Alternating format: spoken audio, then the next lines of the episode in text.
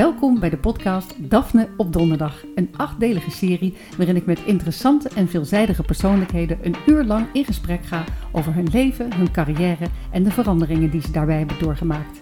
Over intimiteitscoördinatoren op de filmset en waarom het goed is dat die er eindelijk zijn. Waarom je in de overgang je buikvet moet koesteren. En wie zei, er zijn twee soorten mensen: zuigtabletten en bruistabletten. De komende weken ga je het allemaal horen, iedere donderdag in een nieuwe podcast. Welkom bij de podcast Daphne op Donderdag. Ik ben uh, Daphne Dekkers en vandaag is bij mij te gast een multimediale vrouw, uh, mag ik wel zeggen. Ze heeft ooit uh, RTL Boulevard opgezet en het programma twee jaar lang geleid. Ze was hoofdredacteur van de modeklossie Marie Claire, is moeder van drie kinderen schreef een geweldig origineel kinderboek en was een van de allereerste die inzag dat de toekomst digitaal zou zijn. En dus begon zij al in 2013 met haar online mode- en beautyplatform Amazing. Welkom in mijn schrijfhuisje, Meeprit Bobach. Dank je. Zo leuk om in schrijfhuisjes te zijn. Ja, het is, het is, het is inderdaad uh, de plek waar ik uh, altijd uh, werk. Zo leuk. Waar het allemaal begint. Maar laat ik eens bij jou begin, beginnen. Want um, de meeste mensen kennen jou als hoofdredacteur dus van Amazing. Je bent een goed geklede vrouw van de wereld. Dol op mode. Met een speciale liefde voor Chanel. Hm. Fraaie tassen en een lekker glas wijn. Maar heb jij zelf ook gezegd. Eigenlijk was je vroeger bovenal een, een studiebol die altijd aan het lezen was, die graag met haar neus in de boeken zat, in een spijkerbroek met een trui liep. Ik heb jou volgens mij nooit spijkerbroek ja. gezien. En op een oude brommer uh, reed. Ja. Dus mijn vraag is, zitten deze twee meebrits nog steeds in jou? Ja, die spijkerbroek van die trui is wel een beetje weg. Of het is een hele leuke spijkerbroek uit New York ingevlogen of zo. Maar ik probeer wel altijd mijn best te doen. Ik vind het leuk om me leuk aan te kleden. Dus ik probeer altijd mijn best te doen. En ik begrijp niet Waar, eh, wat je wel eens hoort van dat vrouwen die thuiskomen dan hun BH uitdoen of zo. En die dat wilde ik nou net vragen. Als je thuis komt, ga je dan niet in de campingsmoking met de sloffen? Nee, nee, nee. Maar wat ik wel doe... Ook niet je BH uit. Nee. Dat is zo heerlijk. Maar waarom... Ik heb hele kleine borsten, dus ik, ik ken die pleasure waarschijnlijk niet. Het, het doet me niks. Ja, misschien is het dat. Ja, dat je niet dat... Ach, gevoel, nee, maar ik zou, en ik zou het ook niet prettig vinden om de hele dag in kleren te... Dat is dan misschien wel de Gabrielle Chanel in mij. Ik zou ook niet de hele dag in kleren willen zitten waarbij ik de behoefte heb om die uit te rukken om het prettig te voelen. Ja. Voor mij is denk ik ook mijn leven een soort versmelting van privé en werk. En dus ik wil me wel makkelijk voelen. En ik merk dat daar corona wel een verandering in heeft doorgevoerd. Dat ik wel bijvoorbeeld niet meer zo vaak hakken draag. Toch wel vaak meer platte schoenen, comfortabel. En ja. Dus misschien doe ik dat s'avonds wel. En ik ben nu best wel veel aan het sporten. En dan ga ik ik wil ineens met een spagaat kunnen op mijn vijftigste, bijna vijftigste. Ja, dus ik, doelen, doelen. Doelen. Dus ik ga nu s'avonds dan vaak rekken en dan doe ik wel een broekje aan. Maar dat is dan nog steeds wel een leuk broekje. Want ik ken jou eigenlijk alleen maar echt tip-top gekleed. Altijd een mooi schoentje eronder. Het ja. past allemaal perfect bij elkaar. Ja, ja. Dus ja waar, en dat, waar is die spijkerbroek nee, de was? Nou, het was nog steeds wel een leuke spijkerbroek en een leuke kabeltrui. Alleen ik had, ik had een paard en ik, uh, ik woon in Zeeland. Dus ik moest 12 kilometer fietsen naar de middelbare school. En inderdaad, ik las heel veel. Ik moest echt tijdens het eten, zoals wij tegen onze kinderen zeggen, leg je telefoon eens weg. Zo zei mijn moeder, leg dat boek even opzij en neem een hap. Ja. En daar verdronk ik in. En ik schreef ook boeken. En er waren natuurlijk hele slechte. En meer van het niveau, uh, daar komt Bianca te paardachtige boeken. Maar dat vond ik heerlijk om achter mijn typemachine. Ja, ik ook. Vroeger. Oh, jij ook. Nou, ja. En dan ver, ja, verdronk ik in mijn eigen verzonnen wereld, ja. Helemaal daar in dat Zeeland. Ja, helemaal daar. Maar ik kom niet uit Zeeland, maar het, het, daar vanaf mijn twaalfde woonde ik. Ja, ik vond dat heerlijk. Ik gaf er niet zoveel om. En ik weet dat ik een vriendinnetje had die er altijd heel mooi uitzag. En die kwam bij ons thuis en toen was ze verbaasd omdat wij een groot huis hadden. En ik kwam bij haar en ik was verbaasd dat zij zo'n klein huis hadden. Want bij haar ging denk ik al het geld naar haar kleren.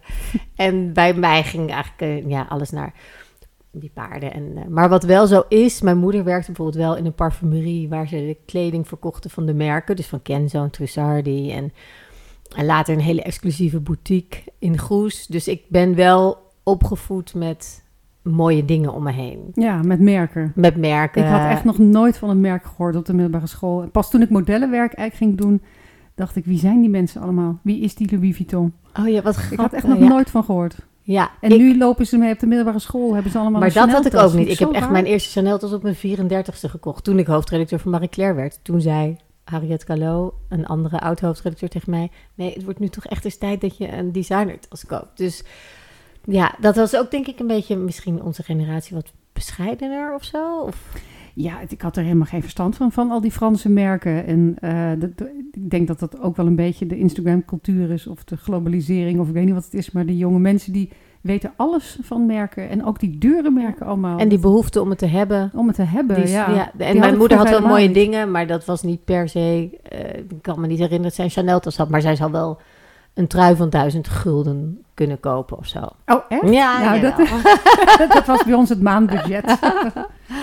Hey, ik, eh, wat mij is opgevallen is, ik heb van alles zitten lezen over eh, Amazing, hè, waar jij graag schrijft eh, over alle dingen die het leven leuker, mooier, gezelliger maken. En het, het geweldige van Amazing vind ik de breedte aan onderwerpen. Dat gaat van alles wat je wil weten over asperges en de geheimen van de clitoris en tot de laatste trouwtrends en eigenlijk alles ertussenin. Nu heb jij eh, Nederlands gestudeerd, algemene letteren en film- en tv-wetenschappen. En toch lees ik dan dat er een, een columniste schrijft dat Amazing de diepgang van een vogelbadje heeft. Ja, oh, dat was Omdat de- jullie over eh, mode en, en, en fijne dingen schrijven. Dus ik vroeg me echt af, waar komt toch die Hollandse inslag vandaan? Dat zaken als, als eh, beauty, fashion en handige tips, hè, zoals hoe ruim ik mijn kast op, waarom is dat oppervlakkig? Ja, ja, vind ik ook altijd heel. Dat was Annabel Nanninga trouwens, die nu Oh. eh, is wel geestig. En ik heb het ooit, hè, eh, be the best man of the better man. ik heb haar ooit, toen zaten we tegelijk in een item bij Editie NL, Oh, geloof ik. gezellig. Ja, maar ze werd na mij geïnterviewd. Dus was het gewoon een ploeg die langskwam. Toen zei ik, oh, interview jullie nu Annabel Nanninga? En toen heb ik heel leuk een tasje voor haar gemaakt met allemaal fijne beautyproducten. En, ehm, Met een gezegd, vogelbadje eh, erbij. Ja, bedankt voor je feedback. En, eh, en toen heeft ze daar best wel goed op gereageerd. Ik denk ook dat zo'n vrouw onderwerpen zoekt. En eh, om ook over te schrijven en te bashen. En dat het dan een heel makkelijk, dat we dan heel makkelijk slachtoffer zijn. Maar dat is wel iets. Ik weet nog dat ook vroeger werkte ik bij RTL Live en Koffietijd als redacteur. En toen werd ik ook altijd bij de lifestyle redactie ingedeeld. Toen zei, ja, maar omdat ik leuke kleren aan heb, wil niet zeggen dat ik niet een human interest gesprek kan voorbereiden of zo. Dus dat die. Die connectie is toch een Ja, beetje ook ja, dat, dat. Hollandse of zo. Terwijl eh, de mode, de manier waarop je jezelf presenteert, dat, dat kan heel veel voor je doen. Ik begrijp niet zo goed wat er nou het oppervlakkige Ja, voor of is. dingen, waarom zou je je leven niet leuker willen maken? En is dat dan meteen, eh, ja, maakt dat je dom of zo? Ja, ja, dus het ging volgens mij toen ook wel een beetje over Jet van Nieuwkerk. Kunnen mensen natuurlijk ook niet hebben, dat dan een dochter van. En, Oh, dat nou speelde ja, ook allemaal Ja, mee. volgens mij ging het daar zelfs over. Ja, dat het is een mij- hoax. Volgens mij is het juist qua self-care eh, heel fijn om lief voor jezelf te zijn, goed voor jezelf te zorgen. En Ja, ik vond dat Marion Pauw dat ook een keer heel leuk zei. Of omschreef, die zei, ja, ik ben een mens dat nu eenmaal graag aan de oppervlakte eh, van het leven verkeert. En dat vond ik zo mooi dat ze dat zei. ik ken En- ook een uitspraak van iemand aan de oppervlakte is de meeste zuurstof. Ja, nou ja, het is ook... het Maar ik vind het niet eens oppervlakte. nee, ik het echt- ook niet. ja. Ik ook niet. Ik ook niet. Maar ik, want ik vind het heerlijk om het leven mooier te maken. En ik kan inderdaad ook schrijven over, ehm, misschien over rouwverwerking. Of, eh, ja, alleen ik probeer het wel te presenteren. Het is een online magazine. Dus iemand zei ooit tegen mij, mensen moeten het op de fiets kunnen lezen, op een telefoon. ik heb liever niet of ze dat doen. Maar zo, we gaan natuurlijk niet een, een 2000 woorden epistel ergens over schrijven. Het moet max 600 woorden zijn. Het moet Maar makkelijk zijn zijn. Ja. pakkend zijn. Ik heb met Amazing heel erg bedacht dat we een soort vriendinnen moeten zijn van de lezer. Dat je ook een beetje archetypes hebt waaraan je je kunt spiegelen. Eh, iedereen vertegenwoordigt een bepaald deel van het leven. Hm. En zo moet je ook schrijven. En, en waar praat jij over met je vriendinnen? Toch misschien ook eerder over wat je gisteren geshopt hebt? Of, eh, hoe ruim je je kast op? Bijvoorbeeld. Ik ben toch een soort hoorder. Ik vind tips over hoe je dingen weggooit, eh, daar hou ik altijd heel erg van. Maar ik wil heel even Ja. nog terug eh naar voordat je Amazing überhaupt begon. Want jij was betrokken bij de oprichting van RTL Boulevard. Hè, dat is toch het entertainment vlaggenschip van de Ja. Nederlandse tv.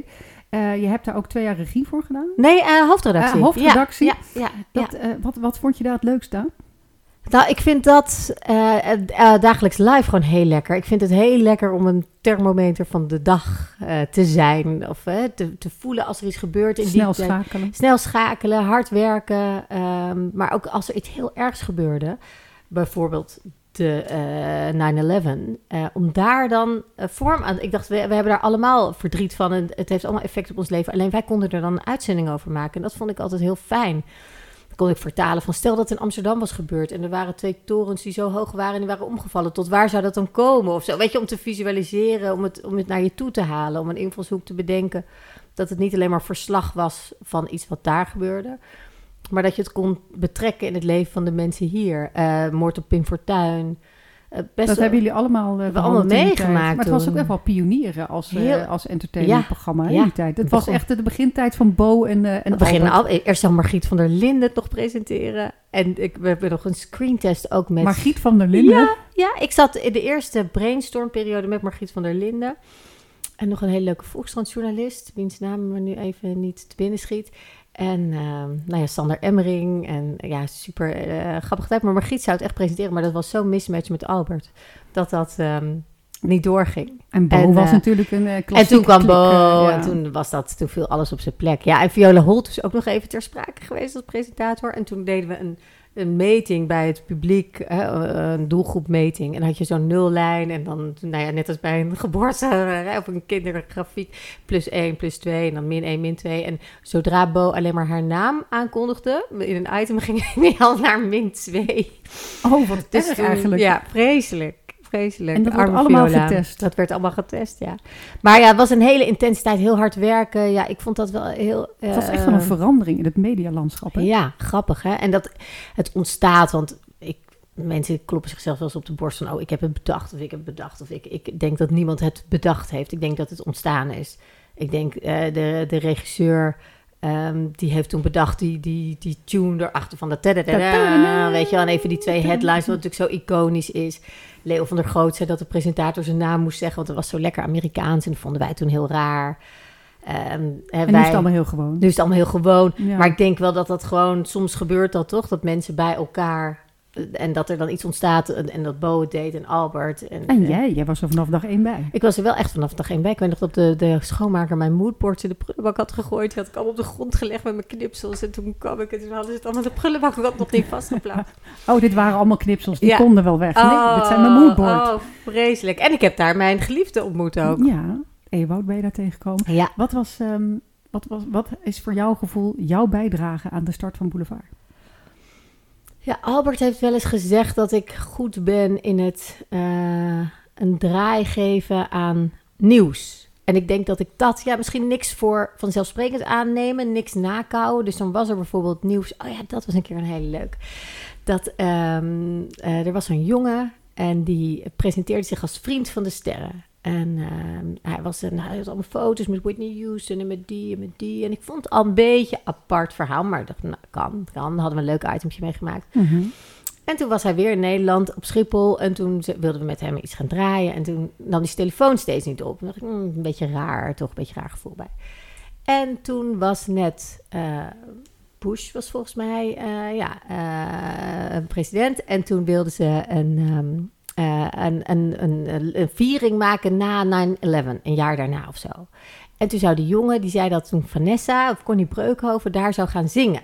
Oh, dat verhaal. Weet je nog? Dat en ik geloofde het gewoon niet. Want ik dacht, ik, waarom Connie Breukhoven? Waarom, weet je wel, heel veel vragen. Raffles heette die jongen volgens mij. En dat vond ik heel erg wat wij deden met Boulevard. En misschien wat ik zei. Bel het Witte Huis. Bel. En ik had toen een geweldige stagiaire, Talia. En die had net een half jaar in Amerika stage gelopen. Die had een fantastisch accent. En wij gingen, zoals wij nu zitten, in een radiostudio bellen. Hello, this is RTL Nou, Boulevard. wel. En ze vroeg gewoon naar de voorlichter van de president. En dan zei ze, ja, we hoorden over dit en dit, dat er een concert zou komen om te vieren vrijheid na 9-11. En zei ze, has the project been greenlighted yet? Zei ze dan. En dacht ik, yes. En toen zei ze, die, die voorlichter, die zei, eh, the president's only concern is national safety. Of zo, weet je wel. Die is niet bezig met entertainment, ja. En, maar dat werd toen echt een battle, weet ik, tussen Boulevard en Shownieuws. En Shownieuws ging heel erg met de jongen mee en met Connie. En ja, het was allemaal waar. En, eh, nou Maar ja, dacht Connie zelf dat het waar ja, was? ik dacht ook dat het waar was. Dat is ook wel heftig eigenlijk. Maar ik denk dus dat dat wel mijn kracht was van altijd, als er geen nieuws was, ik ook, bel de manager van Jennifer Lopez. Weet je, heeft ze nieuwe liefde, bel ze. Dan kon je in ieder geval zeggen, we hebben de manager gebeld. En we weten niks of zo. Dus dat is denk ik wel heel echt van Boulevard. En ik probeer me altijd, en dat probeer ik in alles wat ik doe, me te verdiepen in de ander. Dus als ik schrijf, probeer ik me te verdiepen in de lezer. En als ik eh, hoofdredacteur ben, probeer ik me te verdiepen in de presentator. Want Albert zei altijd, ja, als ik hoor, ja, de film gaat dan in première, ja, wat moet hij dan zeggen? Hè, dan dacht ik, stel dat ik op die kruk zou zitten, dan zou ik willen weten. Weet je, ik kwam daar aan bij dat interview en hij zat nog heel lang op de wc. En weet je, probeerde altijd die je achtergrond ook het menselijke haakje te Ja. vinden. Ja. En niet dat droge, ja, dat die film dan aan een première gaat, dat is niet zo heel bijzonder. Maar jij ziet ook overal een verhaal in. Hè? Ja, ja. ja, mijn collega Claudia Straatmans, die noemde me ooit nu de Martin-bril van eh, de vrouwelijke luchtigheid. En, Nou, Ja. dat is een mooi compliment. dat vond toch? ik ook, vond Ja. ik ook. Maar ik geloof, mensen vragen, eens, heb je wel inspiratie? Zeg ik maar altijd. Er gebeurt zoveel. Maar Ja. volgens mij waar jij heel goed in bent, is eh, in al het nieuws, of het nou serieuze nieuws is of het lichte nieuws, zeg maar dat haakje vinden eh, waar mensen op aanslaan. Wat mensen intrigeert, wat mensen leuk vinden. Ja, ik hoop het. Ik hoop. Maar ik had laatst toen die, die, die wedstrijd was een verkiezing van de mooiste zin hè, uit een boek. Die ik trouwens niet zo heel bijzonder vond. Ik Jij? vond hem, ja, ik Ja. dacht, is dit het nou? Ja. Volgens mij hebben ze niet genoeg boeken doorgeploegd. Ja, ik dacht, hij vond het zelf volgens mij ook niet echt. Hij was zelf ook nogal verrast, Ja, eh, inderdaad. ja. Ik kan hem niet meer oplepelen, de mooiste zin. Weet jij het nog ongeveer? Ja, eh, waar het om gaat, lieverd, is dat ik jou zie, dat iemand jou ziet zoals je zelf niet wist dat je was. Ja, of zo. dat er meer in jou zag dan dat je zelf wist dat erin zat. Of zo. Ja. Dat vond ik nogal. En ik dacht nog, als je daarvan zou maken dat je wist dat er was, had ik hem nog mooier gevonden misschien. Gewoon dat je het zelf al wist, maar Dat- dat, iemand anders het eruit... Maar je Ja. wist het zelf niet. eens. Nou ja, Nou ja, ik lang verhaal kort. Volgens Ja. mij zijn er mooiere zinnen. Maar, daar heb ik dan een stukje over geschreven, gewoon naar aanleiding daarvan uh, mooie zinnen uit de literatuur of uit liedjes. En daar ben ik dan zo trots op onze lezers, dat het dan in de top 5 staat. Denk, oh, het is niet alleen maar Lil Klein en Jamie Vaas. Weet je, jullie vinden dit ook leuk. Dit ook Ik heb dan soms toch wel een beetje zin om dat vogelbadje dan een beetje te verdiepen. toch een zwembad van te maken. ja. Maar had je soms ook het gevoel ehm, eh, dat je toen je bij Boulevard werkte, dat je je moest eh, verantwoorden? Zo van, eh, je hebt drie studies gedaan en hoe beland je dan bij Boulevard? Want ik heb dat soms wel gehad. hè. Ik heb bijna Ja. tien jaar bij Boulevard gewerkt. En dan in interviews zeiden mensen dan tegen mij van, nou, eh, hoe, kan je het schrijven van romans nou eigenlijk rijmen met een entertainmentprogramma? Terwijl Ja. ik zelf, voor mijn gevoel, kan dat gewoon allemaal. Ja, Je kan toch breed georiënteerd zijn? ja, en dat maakt het toch ook heel erg leuk. ja. Toch, het leven, dat je dat allemaal kan. Ik Ja. geloof ook nooit zo in dat high culture en low culture. Nee. Ik heb altijd zoiets van, vind ik het leuk of vind nou, ik en ik hoop dan dat de manier waarop je het misschien beschrijft of benoemt, ehm, dat is toch ook met Bo. Hè, dat, dat, dat, hoeft toch, ja, dat blijft toch een hele intelligente, erudite, hè, lekkere oud geldkakker, ondanks dat hij Boulevard heeft gedaan. Ja, maar hij deed het ook altijd zo leuk met zijn, eh, met zijn wenkbrauw omhoog. En, eh, Daarom. ja. En ik denk, je intelligentie, als dat dan al zo'n belangrijk aspect is, dat, dat zijpelt er wel doorheen op de manier waarop je iets aanvliegt of de woorden die je gebruikt. Of... Nee, ja, ik, ik, had altijd meer het idee dat toen ik bij tv werkte, dat mensen altijd meer kritiek op hadden dan bij bladen, gek genoeg. Oh ja? Ja, Ja, ja, tv hebben mensen altijd wat over te zeuren, omdat ze vinden dat het een beetje van hun is, denk ik. Ja, en dat tv misschien ook een luchtig medium is. Of, Ja, of, terwijl dat ook helemaal niet hoort te zijn eigenlijk. Want tv is heel indringend. Mensen in Nederland zitten bijna drie uur per dag voor de tv. ja dat zal ook Iedere best. dag. Ja. Ja. Ja. ik weet ook dat ik toen het eerste seizoen van Idols was, dat de vrouw van mijn schoonvader ehm, dat ook echt iets verachtelijks vond of zo. En toen zei ik, ja, maar het is natuurlijk wel cultuur. Hedendaagse cultuur. Nou, toen verslikte zij zich bijna in haar glaasje champagne. Want ze dacht, hè, cultuur was waar het Rijksmuseum. Maar, zeg maar 5,4 miljoen mensen hebben hier naar gekeken. Dat kun je wel ontkennen dat dat dan niet bestaat. En dat, maar het is hedendaagse cultuur. Dat vind ik gewoon. Ja, misschien een andere vorm van cultuur, maar Ja. cultuur zeker. Ik las een heel mooi ehm, eh, citaat van jou, eh, dat je zei, eh, doe waar je van droomt en laat je niet leiden door de ideeën van anderen. Eh, we leven in een tijd ehm, waarin we heel veel vinden en wijzen. Wijs maar lekker naar jezelf, want als jij gelukkig bent, heb je het hoogst haalbaar gerealiseerd. Ja. Dat vond ik heel mooi. Is dat iets wat je altijd al gevoeld hebt of is dat iets wat je geleerd hebt? Wijs Denk- lekker naar jezelf. Nou, misschien niet in zo'n zin gegoten, maar ik weet bijvoorbeeld wel dat mijn vader eh, is zeeman, of nu met pensioen natuurlijk. Zeeman? maar, ja, is kapitein, is ja. kapitein op de grote vaart. Ja, dus wij hebben ook mijn hele leven, of mijn hele leven tot, totdat ik naar school ging, eh, op een schip eigenlijk meegevaren. Leren lopen op een schip. Eh, avontuurlijk. ja, heel leuk. Maar ik weet ook, hij ging dus heel vaak één maand weg, twee maanden weg. En dat hij een keer naar school kwam en ik zat denk ik in, denk ik acht was of zo. En eh, toen kwam hij mij gedag zeggen op school. Ik weet nog precies. Ik stond bij de jassen, weet je, kapstok, en een- zo'n hoekje voor het lokaal. Met allemaal andere kinderen. En toen kwam hij mij gedag zeggen, want hij ging spontaan eerder weg. En ehm, ik weet nog dat ik op dat moment dacht, moet ik hem nu een kus geven niet echt cool. Maar toen dacht ik ook, ja, kan mij het schelen. Ik zie hem twee maanden niet.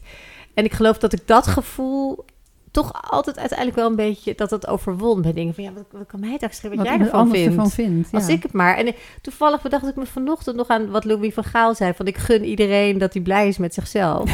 ik gun iedereen dat hij zo blij is met zichzelf. Als, als ik, ben, ben, ja. Dat moest er eigenlijk nog oh, achter. Ja.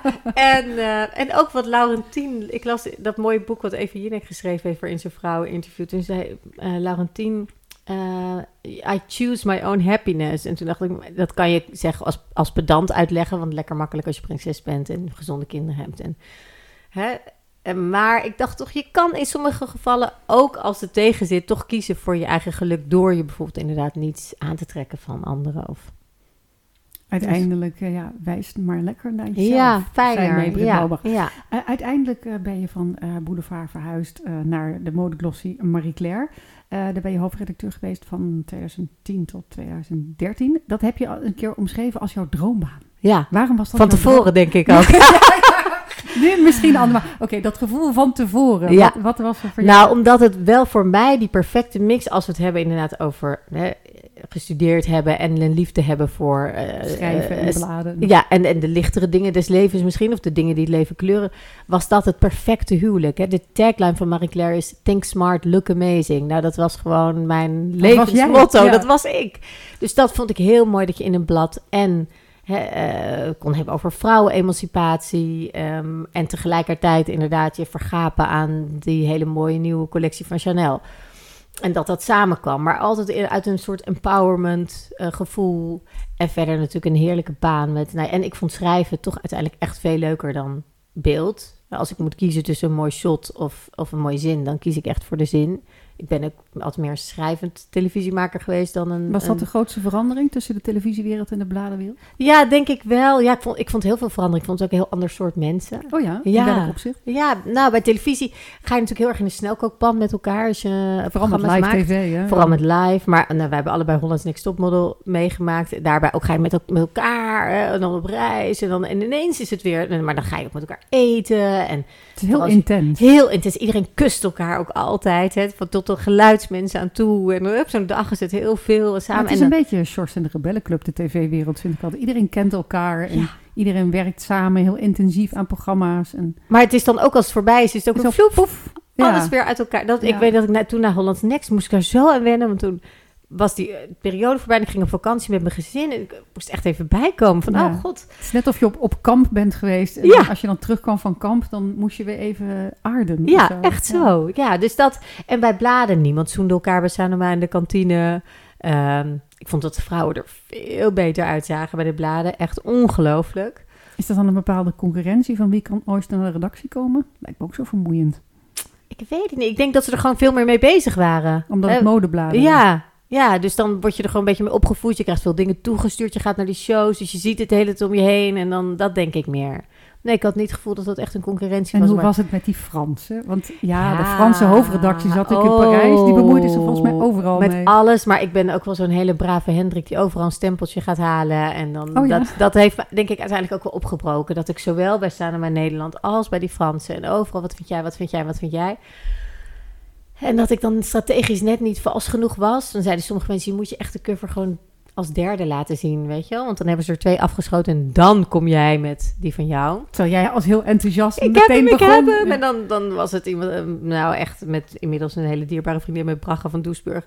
Prachtige cover. En dan zeiden ze, who is she? Weet je wel? En dacht ik, ja... Uh, in Nederland kent iedereen Ja, en, dus, en dan kreeg ik weer... Nee hoor, dan moest ik toch Drew Barrymore of zo, weet je wel. Het, ja. Jij bent de enige die... Ik weet nog dat jij daar op de cover kwam. En jij bent ook met mij naar Parijs gegaan van mag dit? Ja, dat moest sowieso.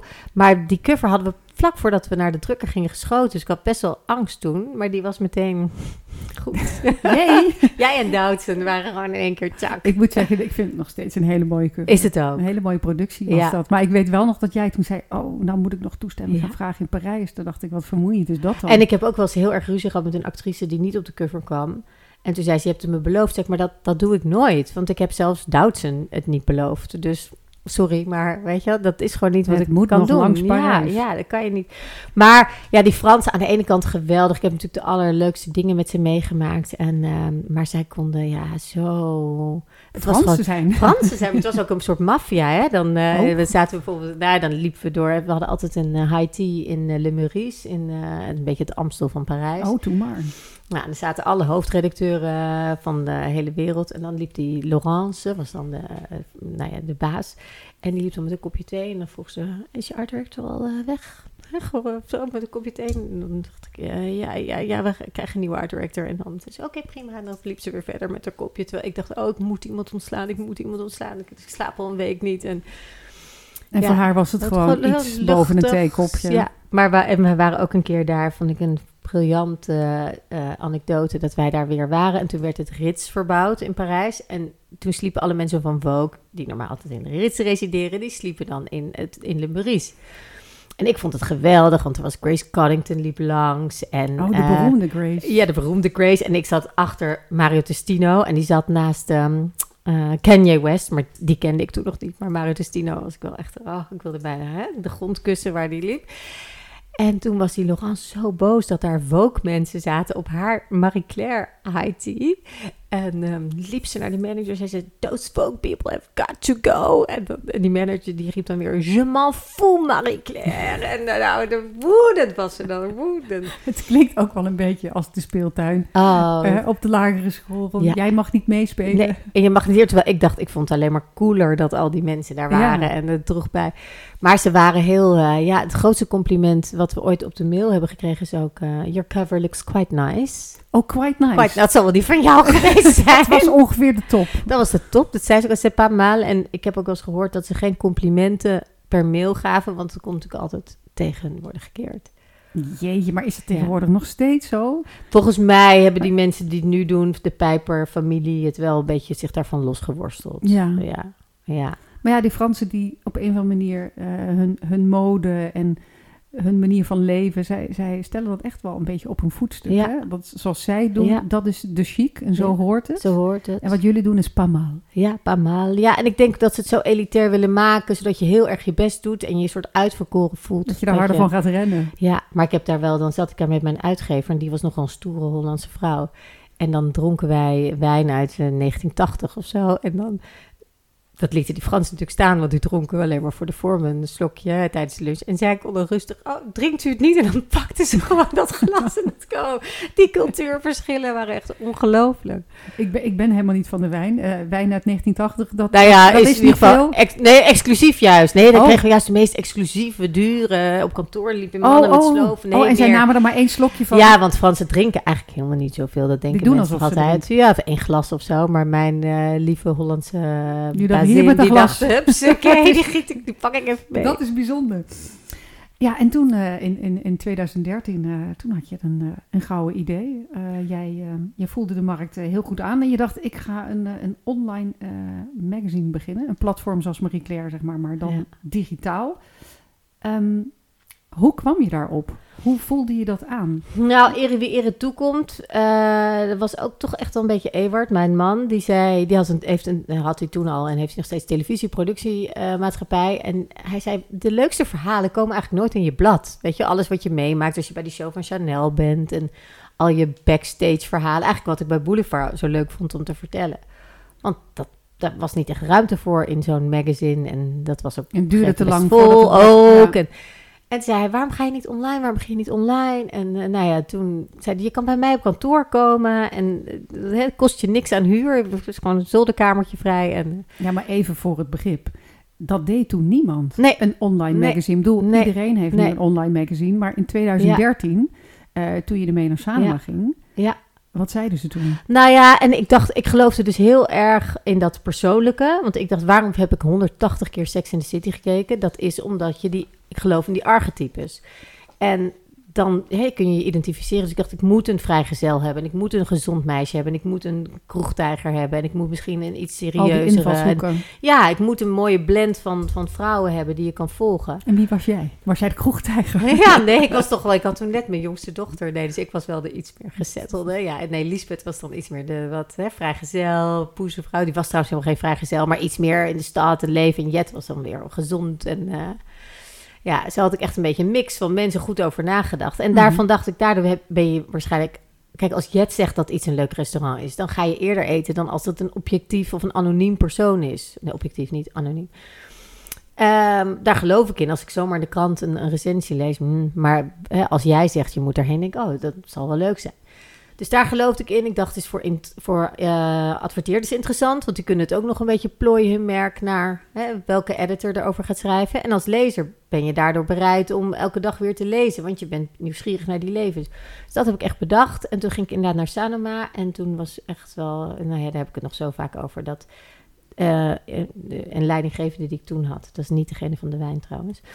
Eh, die zei: ehm, Ja, ik denk dat het wel een goed idee is, maar ik denk toch, ik geloof er toch niet in. Want als het een goed idee was geweest, dan had het al bestaan. Dat vind ik zo bizar. Ik heb gelezen dat je dat zei. En toen dacht ik, maar iemand moet toch de eerste Toen zijn? dacht, ik- en, en toen dacht ik ook: Volgens mij is Linda ook ooit bij Sanoma het idee gepitcht. En Jan ook. Dus ik dacht: Weet je, ik ben een goed gezelschap. En ik liep met Ewart, ik was toen samen met Ewart en wij liepen die, die meeting uit. En. ehm, want toen zei ze ook, je moet het op één ding richten. Je moet het alleen maar over schoenen of iets. Of... En wij liepen die kamer uit en we keken elkaar aan. En ik was eigenlijk zo beledigd. Ik, we gaan het doen. Kan mij het schelen. We gaan het gewoon doen. Ik kan er gewoon niet over uit Nee. dat je zegt, als het een goed idee was, dan was het er al. Nou, nou, nou is juist de crux van goede ideeën dat ze er nog niet zijn. Ja. Maar je hebt doorgezet. ja, het is juist. Dat was echt de duw. Ik dacht, nou, zoek het uit. Zoek het uit. Maar het was wel, denk ik, een sprong in het diepe van jou. Want ik neem aan, Ja. hè, bij Marie Claire, uh, leaseauto, pensioenopbouw, Ja. vaste baan. Eerste rij bij de shows, al die reisjes. Ja, Ik, ik, wij maken heel vaak nog grapjes over Evert en ik. Dat ik eh, toen zei, zouden mensen dan nog wel een persbericht naar me opsturen of zo? was even afwachten allemaal. Nou, toen zei Evert, nou, een persbericht sturen ze echt wel naar je op. Ik bedoel, dat is het idee achter een persbericht. Ja, maar ik heb ook nog dat ik, dan keek ik, oh, er zitten 22 mensen op de site. En dan was ik helemaal trots. En, en nu hebben we anderhalf miljoen unieke bezoekers per maand. miljoen, ja. dat is echt veel. Ja. Maar je bent dus begonnen op een zolderkamer. Echt op een zonder zolderkamer. salaris. Zonder salaris, ik sowieso niet. Uh, ook uh, ere wie ere toekomt, ook Jet en Lisbeth in het begin, die verdienden ook echt, echt. Nou, in een café hadden ze meer verdiend, maar die wilden ook, hè, waren bereid om dat nieuwe project. Maar jullie zagen die digitale toekomst toen heel erg al voor je. Ja, ja zel, sterker nog, wij hadden zelfs het idee van, dan moeten we ook een Amazing in New York hebben en een Amazing in Parijs. En uh, ik, ik geloof daar nog steeds in, alleen, ik geloof alleen dat dat werkt als je daar ook dan daadwerkelijk woont. Dat je En daar die, mensen hebt die daar Ja. weer die voorbeelden ja, kunnen zijn. dat Ja. moet. Maar ben je iemand die eh, eh, voor financiële zekerheid gaat? Hou je daarvan? Ben je daar... Mm, nou ja, het is natuurlijk wel heel belangrijk. En ik heb het geluk ehm, dat Ewart een bedrijf heeft. En dat ik daardoor ook even dat van mij opzij kon stellen. Want ook als je iets nieuws begint, Ja. hè, dan zeggen ze vaak... Ja. oh, je moet het gewoon doen, springen Ja, diepe. maar dat is je hebt nogal natuurlijk makkelijk. wel eh, Ja. ondersteuning nodig, inderdaad, van, een, van een partner. Die, eh, Daarin heb ik echt geluk gehad. Alleen voor mensen die dat misschien niet zouden hebben, zou ik dan zeggen: doe het dan in de avonduren. Je kan zoveel doen op een dag. Weet je, reserveer twee of drie uur voor dat andere project waar, waar je zo gelukkig van wordt. En dan zul je zien dat het op een gegeven moment ook vleugels krijgt en eh, gaat werken. Want vooral inderdaad met dat digitale, je hebt niet zoveel nodig. Je hebt een sitebouwer nodig in content en, en maak het maar. uiteindelijk draait het toch inderdaad ook op jouw personality en op jouw ehm, creativiteit. Ja, maar het leuke vind ik wel, want inderdaad, daarna zijn natuurlijk heel veel influencers gekomen. Zo, dat was toen gewoon nog niet nee, zo heel dat erg. was allemaal niet. En, en iedereen heeft nu eigenlijk een beetje een digitaal platform. Dat is Ja. het eerste waar iedereen... Of het Alleen, nou Linda ik mis het. Chantal, Ja. Wendy. Allemaal Ja. platformen, Ja, maar ik mis daarbij nog steeds wel die echte dagelijkse ehm, updates. die updates en betrokken invulling.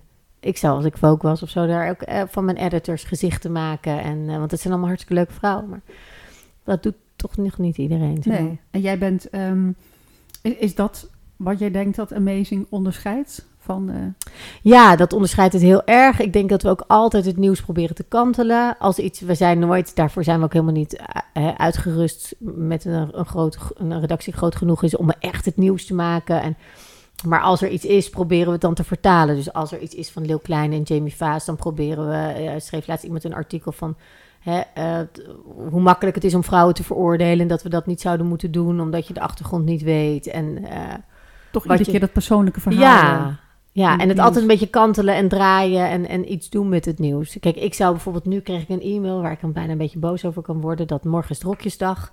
En was een soort feministische boycott, want een eh, rokje dragen zou vrouwonvriendelijk en seksistisch zijn. Terwijl ik denk, maar dat heeft Martin Bril ooit gezegd, omdat hij dat gewoon signaleerde. Er is een moment in het jaar dat je huis ineens naar zomer ruikt. En er is een moment in het jaar dat iedereen een rokje lijkt te dragen. mhm. Het is niet dat hij heeft gezegd, en nu moeten alle vrouwen vandaag een rokje aan. Of Nee, zo. het ging hem om eh, dat het soort geheime leek Ja. tussen vrouwen. Ik heb Ja. er ook een column over geschreven. Dat ik dacht, nou Martin, het is meer dat vrouwen ook gewoon het, het weer volgen. En kunnen zien dat het morgen... Ja, Het is niet en een soort dat- geheime afspraak. Nee, we we vinden het gewoon leuk. Hoe warm wordt het morgen, Ja. weet je? Ja, En mannen trekken allemaal een Bermuda aan. Maar op een of andere manier is het nooit Bermuda-dag. nee. Het is wel rokjesdag. Maar ik vind het wel best schattig dat hij toch dat dat iets was van, oh, dit zomerseizoen. Om daar nou een- een heel feministisch gebeuren van te maken. vind ik dan een beetje, dus dan zou ik nu bijna als tegenweging een stuk willen schrijven met de leukste zinnen van Martin Bril of zo, weet je zoiets. Of misschien wel ehm, zijn dochters eh, interviewen of zo, weet je, want het zijn hele leuke, slimme, mooie meisjes. Zoiets. Dus ik probeer, ja, dat maakt denk ik het meest uniek, altijd kantelen van het nieuws. En, eh, Ja, wat ik net al eh, zei, de, de breedte van de onderwerpen vind ik zelf erg aantrekkelijk. Hè? Want als je dan een beetje aan het scrollen bent, dan kom je werkelijk van alles tegen.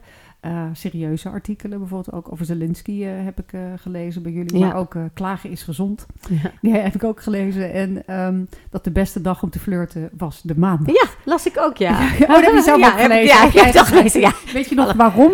Nee, eigenlijk niet. Wat was het ook? Het was je dat mensen op de maandag altijd een beetje chagrijnig zijn en in een soort dipje zitten. En dat ze dan nieuwe input en prikkels, dat ze daar meer voor openstaan. Dat de slechtste dagen om te flirten, heb ik op jouw website Ja. Dat was vrijdag, zaterdag en zondag. Oh, jammer. Dan is iedereen al voorzien. Oh, oké, oké. Houd die nou eigenlijk via eh, Google eh, Analytics of zo bij waar mensen precies op klikken. En ga je dan meer van dat schrijven? Of schrijf je toch eigenlijk vooral eh, waar je eigen hart of gevoel naar dat... We houden het heel erg bij. En we hebben altijd zeg maar een aantal trending onderwerpen die gewoon eh, de actualiteit van de dag. En, eh, En je maakt wel een top 5. Waar het me- er waar staat er mensen- ook op, ja, ja. staat ook op de site zelf, de top 5. Maar ik wil zelf ook heel graag de Zelensky-achtige onderwerpen doen om gewoon voor de mix. Ja. Want wij weten wel allemaal wat scoort. Dat is allemaal hè, Expeditie Robinson, Leeuw Kleine, Dries Roelvink of Dave Roelvink. Of weet je wel, als je de lezer echt losgaat, dan gaat dat toch wel dan naar de, eindig je in de die drempelhoogte. Dan zitten Dan- we voor je het weet toch weer in dat, dat vogelbad. Ja, dus dat, ehm, dus dat zeg ik ook. Ik heb een fantastische lifestyle editor, Lilian. En die zegt ook, ik sta nooit in de top 5. Zeg ik, ja, maar Leeuw, door jou is het wel weer opgetild. En hebben we super mooie shoppingpagina's en, en, en trends. En weet je dat geeft het, ik geloof echt in de mix. En eh, in Playboy was ook het interview, toch? Je wil ook, het is misschien ook zelfs een legitimering voor jezelf om het dan te kunnen lezen. Dat je kan zeggen, maar er stond ook een mooi artikel over de psyche of over rouw of over... En toch vind ik dat eigenlijk wel een interessant fenomeen. Hè? Als je mensen vraagt, eh, wat wil je meer op tv zien? Dan zeggen ze natuurdocumentaires. Mhm. En vervolgens kijken ze daar niet Nee. naar. Ja, en en dat, dat er dan veel geklaagd wordt over wat er online allemaal te lezen is. Maar aan die top 5, hè, als je het allemaal analyseert, dan zie je waar mensen toch Ja. het meeste op Ja. klikken. En dat is toch eigenlijk altijd wel een beetje sensatie. Ja, beetje sensatie, ja. Dus, waar, dus waarom is het zo anders dat wat mensen zeggen dat ze willen lezen of zien, is toch, dan lijkt toch iets wat af dan waar ze daadwerkelijk op klikken. Ja. Ja, misschien schamen ze zich daar zelf dan ook een beetje voor. Wat niemand ziet dat je erop klikt. Nee, maar jullie nee. zien het wel. Wij zien het wel. en ik vind het heerlijk, maar ik ben ook altijd echt trots. Ik ben altijd trots op onze lezers als ze op zoiets, nou ja, als die mooie zinnen of zo. Dan denk ik, yes, goed gedaan. Maar ik denk ook dat het goed is om die mix aan te bieden. Ja. ja. En ik wilde je ook nog even vragen wat jullie fascinatie is met het getal 21. Het is altijd 21 dingen die we zeggen nu de zon weer schijnt. Hè. Daar zat ook eh, eh, aandacht voor de, de slutty summer, zat daar ook bij. Eh 21 gewoontes die ons gelukkig maken. Is 21 zo'n blademakersgetal, net zoals Mm. 99, zo'n Nou, getal? Ik weet wel, het is natuurlijk heel erg Rob van Vuren die altijd zei, niet vijf, niet tien, maar hè, doe negen. Ehm, nee, ik denk niet heel bewust, maar ik denk wel, ik heb zelf heel vaak, dan denk ik, oh ja, ik doe 17 en dan ben ik aan het schrijven en dan kom ik vanzelf op 21. Ik heb heel vaak dat ik mijn kop moet aanpassen. Soms ook wel eens omdat ik er minder heb. Maar uh, deadline ben ik, ja, 5 is ook wel goed vandaag. Maar, ehm, Ik zag vaak 21. Het grappig. 21 voorbij komen. Ik las ook de 21 dingen waar jij persoonlijk gelukkig van wordt. En ik had er daar een paar van die ik eh, ongelooflijk herkende. Namelijk eentje daarvan was slapen in een opgemaakt bed. Oh. En vandaag hebben we een onderwerp. Tenminste, dat denk ik, want dat stuurde iemand in de appgroep. Waar worden mensen gelukkig van? Van seks of van slapen in een opgemaakt bed? En dat Oh. was, ik denk dat ik heb niet doorgeklikt toen ik was onderweg hier naartoe. Maar volgens mij was dat het opgemaakt bed. Mensen voor het opgemaakte bed. Ja. Wat is dat toch aan het opgemaakte Ja, bed? Oh. Ik heb wel eens gelezen dat Karl Lagerfeld daar zo dol op was... dat hij iedere dag alles opnieuw liet opleggen. Als ik rijk was, Zou zou, je ik dat dat ook ook doen? Ja. Er is iets aan dat Ja, gevoel van een ja. opgemaakt bed. Maar is dat niet ook de aandacht en de liefde, denk ik, die daaruit knispert? Want wat ik ook het allermeest luxe vind in een luxe hotel, is dat het dan een beetje opengeslagen is. En dat er dan een briefje naast je bed ligt met het weer van morgen. Als een kaartje. Oh. Je houdt echt van die, eh, van die luxe, van die Ja, kleine dingetjes. Ja, hè? ja. En dat vind ik altijd wel grappig, want dat is, kost op zich niks. Kunnen, iedereen kan zijn bed wel wassen en strijken, toch? Ja, het zijn van die kleine geluksmomentjes. Ja. En een ander ding eh, waar jij gelukkig van werd, eh, was een parkeerplaats vinden in de stad. Ja. Oh, dat herken ik ook zo. Dat een soort oase in de Oh. woestijn, een parkeerplaats in de Oh. stad. Jetty Maturin las ik een keer een interview mee. En die zei ook, nou, ik heb mijn rijbewijs. Dat is op zich al een... Ze vroeg ook over een goddelijke ervaring of zo. was voor de NCRV. En toen zei ze, ja, een plekje... eh, dat ik mijn rijbewijs heb, vind ik al een wonder. En dat ik dan een plekje... Ik heb altijd een plekje. zei ze. Nou, ik heb Ja. niet altijd een Nou, plekje. ik ook niet. En ik word nu ook wel eh, heel erg ongelukkig. Ik kan ook een lijstje maken met 22 dingen waar ik ongelukkig van word. ja, dat kan ik me voorstellen. Nou ja, ik begreep dat het eh, parkeerbeleid eh, in, in Amsterdam is een halve parkeerplaats per huis.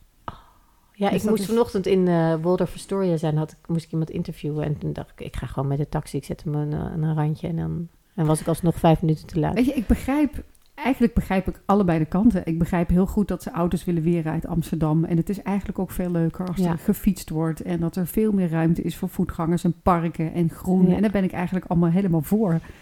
Maar ik woon in een dorp. Ja. Dus voordat ik met het openbaar vervoer in Amsterdam ben, dan ben ik wel even onderweg. ja. Dus dat, En je hebt eh, spullen bij je. En En eh, eentje die ik ook heel leuk vond aan eh, iets waar jij happy van wordt, is iemand die een afspraak afzegt.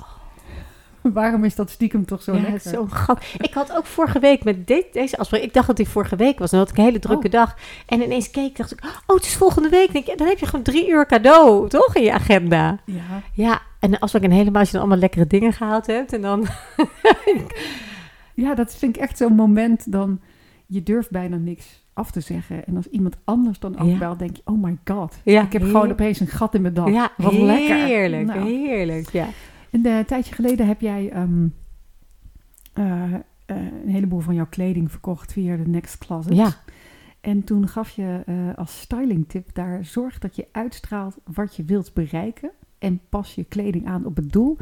We leven namelijk in een visuele maatschappij waar mensen een beeld van je bepalen in 10 seconden. En ik dacht, 10 seconden? Dat is nog lang, Dat is nog dacht lang. je? Ja. Nee, nee, ik vond het eigenlijk wel best wel... Is het echt zo dat mensen door wat je mij is aan hebt... wetenschappelijk onderzocht in, in drie seconden, toch? Als je eerste beeld en... Ja, daar staat speeddating ook op gebaseerd. Dat je meteen ziet of je een soort vibe hebt met iemand. Maar ehm, is het zo dat, dat mensen zich zo snel een beeld vormen van de kleren die je aan hebt? Nou, en de hele, hele présence natuurlijk. Ze zeggen toch ook altijd dat Kennedy de verkiezingen heeft gewonnen ooit. Hè, John Kennedy, omdat hij natuurlijk de knappe man was. En dat zijn, zijn opponent was eh, eigenlijk veel beter eh, onderlegd. Maar die was een beetje ziek geweest, zag er niet zo goed uit. Die had veel minder goede présence op beeld. Hè, dat dat zo bepalend is. Nou ja, ik heb ook wel eens als ik een art director binnenkwam met een, met een of andere laffe eh, Albert Heijn boodschappentas. En eh, dan denk ik, ja, bij Marie Claire denk ik, hè, een, sollicitant. Denk ik, ja, nou, ik weet niet of je nou heel veel liefde hebt voor design. Of, eh, of het moet echt een statement zijn. Maar Denk Ja. je dat je in, in de corporate wereld of in de zakenwereld... of dat, dat ze heel erg letten op of je gekleed bent voor het moment als Ja. vrouw? Dat je, ja, nou, ik denk als mens. Als mens. Elk mens. Ja, maar mannen hebben altijd pak, punt. Ja, maar daar kan je natuurlijk ook wel onderscheid in maken. Wat voor soort pak. De, de ontwerper van Renault bijvoorbeeld eh, is een Nederlandse man. En die moet altijd in het pak. Maar die zei, ik heb alleen maar sneakers. En ik heb ze allemaal gecustomized. Want dat was een soort zijn creatieve uitlaatklep. Want ik ben heus een creatief hier. En dat was dan in die En dat sneakers. zat helemaal in die ja, sneakers. of Madeleine Albright met haar brosjes. Ik geloof dat je altijd... Of, of Michelle Obama met haar armen. Eh, onze Maxima natuurlijk. Weet je iedereen kan... Een, ik geloof heel erg in een signature. Ja, omdat we in zo'n visuele maatschappij Ja. leven en mensen ook oordelen over wat je aan hebt. Ja, maar het helpt ook gewoon om te bepalen wat voor flow je bent. Hè, Als Matthijs van Nieuwkerk de Wereld Draait Door presenteerde, had hij een strak pak aan. En deed hij Hollandsport, dan had hij een eh, Adidas jasje aan. Dus Ja. je laat ook zien van, hé, we zijn nu in deze setting. Hetzelfde als in een restaurant met linnen of, of gewoon we eten van het hout. Ja, een hele andere vibe krijg Ja. je dan. Je zei ook eh, in de Next Closet, eh, kies voor kleur en iets wat meer uitgesproken is. Want van, je zult zien dat van kleur word je blijer. Nou, dat is iets wat ik zo herken. Ik liep vroeger eigenlijk altijd alleen maar in, de, in grijs, zwart en wit. Ja, En nu ik ouder word, heb ik veel meer kleurige dingen eigenlijk aan. eh, want het haalt ook een beetje op. Dat had het ook, ja, het gevoel. zegt Leko toch ook al. Die zegt dat grijs worden we waarschijnlijk omdat het toch wel je gezicht zachter maakt. Nou, kiezen wij dan liever voor blond. Maar dat toch maakt het. Ja, ik ben het Nee. nog niet heel erg grijs. Nee, ik ook niet. Nee. Grappig, hè? Maar mijn moeder is ook zo laat grijs eh, geworden. Ja, dus ik heb dat, eh, ik, paar ho- ik hoop dat ik... eh, Dat dat was bespaarde. Maar ik heb nu dan een zwarte top aan, maar dan wel met wijde mouwen of zo. Dus ik vind ook... Ik heb dat ook heel erg geleerd toen ik bij Marie Claire hoofdredacteur werd. Toen zei mijn chef mode, Simone, van wat je ook doet, hadden we een event als je maar geen zwart draagt. Weet je, en dan had ik een groene jurk uiteindelijk aan van Max Mara. En ik weet nog dat ik op die foto's zo dankbaar was, want iedereen was in het zwart en dan knal je eruit. Ook dat, je valt gewoon op. Ja, dat is zo. Ja, ik hou ook heel erg van juwelentinten op de rode loper. Weet je, Ja. flessen groen of paars. Of, Ja. eh, ja. Dat was flessen groen toen inderdaad. Maar soms, dan, soms zit ik dan een beetje over in een spagaat, weet je. Want aan de ene kant krijg je geleerd van... joh, je moet je helemaal niks aantrekken van wat andere mensen van je vinden... want die zijn überhaupt dan niet met je bezig. Maar als je dan aan de andere kant hoort... dat mensen dus eigenlijk binnen 10 seconden een oordeel over je hebben... over wat je aan hebt, hè. En dat je dus je voor een gelegenheid moet kleden... en dat je over na moet denken wat je uit wil stralen... denk ik, welke is het nou? Moet ik me nou wel of niet Ja, iets aantrekken van wat andere mensen vinden? Nee, niet van vinden, maar misschien wil wel opvallen, toch? Of als je niet wil opvallen, moet je het lekker niet doen. Maar als je wel wil opvallen, doe je het. Maar als mensen dan een stom vinden, dan trek je niks aan aan. Maar ik heb zo'n presentatie, het is heel ingewikkeld. Oh, c'est un dur métier de- belle femme. Maar iemand zei ooit ook, people will stare, make it worth their while. Ja, dat vind ik dan wel weer geestig. Want ik vind het ook wel leuk om met mode je best te doen voor iemand. Ja, ik ben sowieso wel iemand, als ik een dresscode krijg, dan probeer ik me er Ja. altijd een beetje aan te houden. En, En ben de- jij je eigenlijk anders gaan kleden eh, als je zeg maar eind 40, begin 50? Zit daar, zit daar dat ben ik nog niet trouwens. Nee, nee, jij bent nog ja, eind 40. Ja, eind 40, yes. But it's coming, darling, it's It's coming. Oh. Ehm, ik denk het wel, godzijdank. ehm doe ik wel mijn best om mijn lichaam een beetje in de plooi te houden. Dus weet je, ik kan ook een arm laten zien of zo, zonder dat mensen in shock neervallen. Ehm, maar ja, ik heb wel bij sommige dingen denk, nee, dat vind ik niet meer echt kunnen. Nou, ik heb altijd gezegd, ook in columns, en dat meen ik ook, dat alleen babykleertjes gaan op leeftijd. Ja, En voor de rest moet je eigenlijk dragen waar je je lekker in voelt. Maar ik ben nu 53 en ik merk wel dat sommige dingen vind ik toch eigenlijk niet meer Ja. zo heel erg bij me passen. Ja. Dat is wel een soort evolutie Ja. waar, ik, waar ik zelf eigenlijk in zit. Dat bij sommige dingen denk ik, nou, weet je, ik vind dat ik prima benen heb, maar ik vind zo'n heel kort rokje, dat Nee. vind ik ook eigenlijk... Nee, Nee. nee. heb ik precies hetzelfde. Iets meer sophisticated. Oh, sorry. En ik heb dat, aan de andere kant had ik dat ook wel met bepaalde juwelen of zo. Dat ik dacht, dat moet je ook verdienen. Ik vind het niet mooi als, een, als, als ik 30 was en al helemaal vol met ringen zat. En nu denk ik, oh, maar die kreeg ik voor de geboorte en die kreeg ik voor dit. En dan, dan vind ik dat weer, Dat er ook een betekenis... dat het een eh, verhaal vertelt of zo, ja. Ja. ja, je bent wel van de verhalen. Hè? Dat moet Ja. wel, moet wel een randje Ja, aanzetten. iets niet moois. zomaar kopen en eh, hups. Ik vond het ook wel geestig dat je zei, eh, dat las ik dat je dat zei. er zijn twee dingen waar je een vrouw niet naar vraagt. En dat is haar leeftijd en het aantal schoenen wat ze heeft. Ben jij een eh, soort Imelda Marcos? Nou, ja, ik heb, er, ik heb er wel veel. Maar ik gooi je ook wel weer eens weg. Jij hebt er denk ik meer hoor. Schoenen? Ja. Weet ik niet. Ik, ja, gooi je weg, zei je dat nou? Ja, of op een we gaan gegeven naar Next moment. Closet. Ja, nou ja, maar soms zijn ze wel een beetje afgedragen of zo. Of doe ik ze weg. Nou, hoeveel paar zou ik nu? 30 of zo? Ja, jij wint. Ik zie Dat het al. Dat valt me mee. Of tassen mag je ook niet naar vragen, nee. Maar ja, ieder zijn toch. De een spaart horloges en, en als dat nou is wat... Anders eh, mooie hakken, ja, toch? Ja. Ja. Ehm, leermomenten uit, jij, eh, uit jouw eh, carrière. Ehm, wat ik wel interessant vond dat je zei, is dat, dat je hebt geleerd dat je niet bang moet zijn om van iemand afscheid te nemen. Ja, ja, ik weet bijvoorbeeld dat toen Lisbeth, Lisbeth Rasker, een van de eerste mensen bij Amazing, die ging weg. En best wel kort daarna Jet. Nou, oh, dan werd ik wakker en dan had ik een buikpijn, liefdesverdriet. Echt, oh. Ja, dat is ook een enorme verandering in jouw redactie ook. In, Ja, in, in, de ja. gevoel van je... ja, en waren een soort mijn, en eh, ja, met Jet had ik dat helemaal. Een soort mijn, mijn, omdat we haar mijn ouders ook goed kennen. En was een soort mijn, mijn zusje of mijn, oh, amputatie. Vreselijk. En ehm, ja, weet je, ja, slavernij is afgeschaft. Dus je kan mensen niet hè, dwingen om bij te blijven. Je kan ze ook niet dwingen om te verbieden om uit te vliegen. Want dat deed ik vroeger ook na een paar jaar. En ik zie altijd weer dat er dan iets, iets nieuws komt en iemand anders. En ehm, ja, nu heb ik ook weer zulke leuke meisjes. En ik vind het altijd weer zo'n eer om... Want dat, ik, ik hou altijd van om mensen aan te nemen of bij ons te betrekken... die niet per se eh, al bij andere bladen gewerkt hebben of zo. Maar waar ik het gewoon in zie. Die je ook een waar- kans wil geven. Ja, en waar ik in geloof en die leuk schrijven en Nieuw die talent. uniek zijn. En ja, daar kan ik dan ook weer zoveel van houden en verliefd op worden. Van, oh, wauw, weet je wel. En, en nog steeds trots zijn op de anderen die zijn geweest. Heb je dat moeten leren dan? Mensen loslaten of gewoon... Nou ja, in ieder geval wel weten dat bijna iedereen wel toch wel misbaar is. Bijna iedereen. Ik heb wel bijvoorbeeld Danielle doet bij mij sales en de- die is al vanaf begin en dat is ook echt een van mijn beste vriendinnen geworden. Dus wij Die zeggen we altijd, niet ja, gaat echt niet weg. Jou kan ik Wil niet ze missen. gelukkig zelf ook, ook niet. Is het nog steeds zo dat je het liefst met vrouwelijke ondernemers eh, zaken doet? Nou, ik vind met vrouwen altijd best wel fijn werken. Maar met mannen, heel veel mannen ook. Maar wij begrijpen elkaar. Wij kunnen altijd, ik kan met andere vrouwen vaak, dan zitten we 40 minuten over, eh, over de kinderen of over kleren te praten, inderdaad. En dan nou, doen we even de deal, hup, hup, hup. En dat is vaak niet zo'n strategisch spel. Wat, Is het bij mannen wel meer? soms heb ik het idee. Ja, iets meer eerlijker? onderhandelen. Ja, of we hebben gewoon een andere manier van werken. Maar we zijn denk ik, eh, ik geloof dat wij daarin, dat is wel grappig, dat we niet zo van de bullshit zijn. Gewoon dat we allebei weten, ja, we, we hebben hier 10k voor en eh, dit is wat jij krijgt en dit is wat fair is. Dus wat gaan we doen? En dat het dan niet zo'n heel strategisch spel hoeft te worden met, nou vraag ik meer en, hmm, en kickbacks. Soms heb ik het eh, gevoel dat mannen willen winnen.